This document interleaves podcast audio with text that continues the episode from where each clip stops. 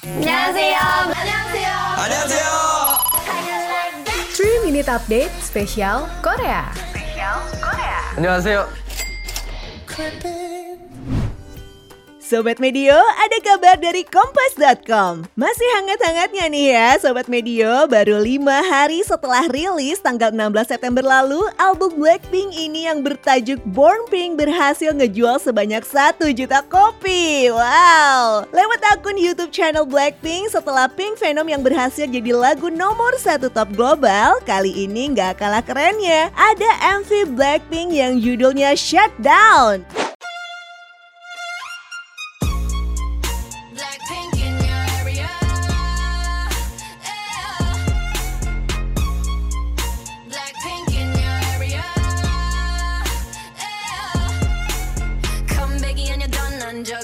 없으니까 고개들이 돌아 진정에 못 걷길라 분홍빛의 얼음 drip drip drip freezer on side shut it down Whoa whoa whoa whoa 게임이 아닐 뛴 적이 없으니까 지저분이 목에 먹줄은 내거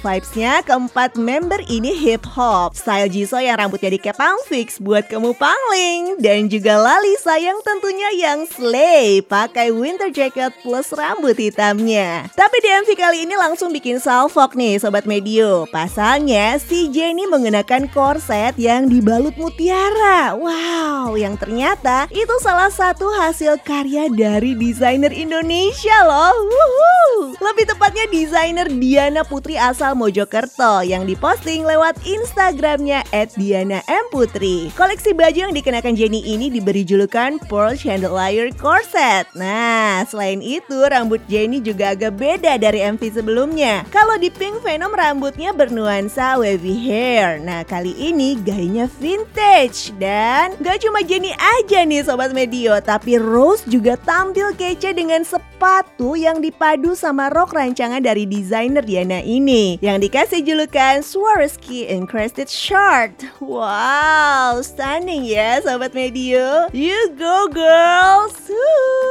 Demikian 3 Minutes Update spesial Korea hari ini. Saya Cindy Septiana pamit. Jangan lupa dengarkan update terbaru lainnya. Tungguin episode selanjutnya minggu depan. Gamsamnida.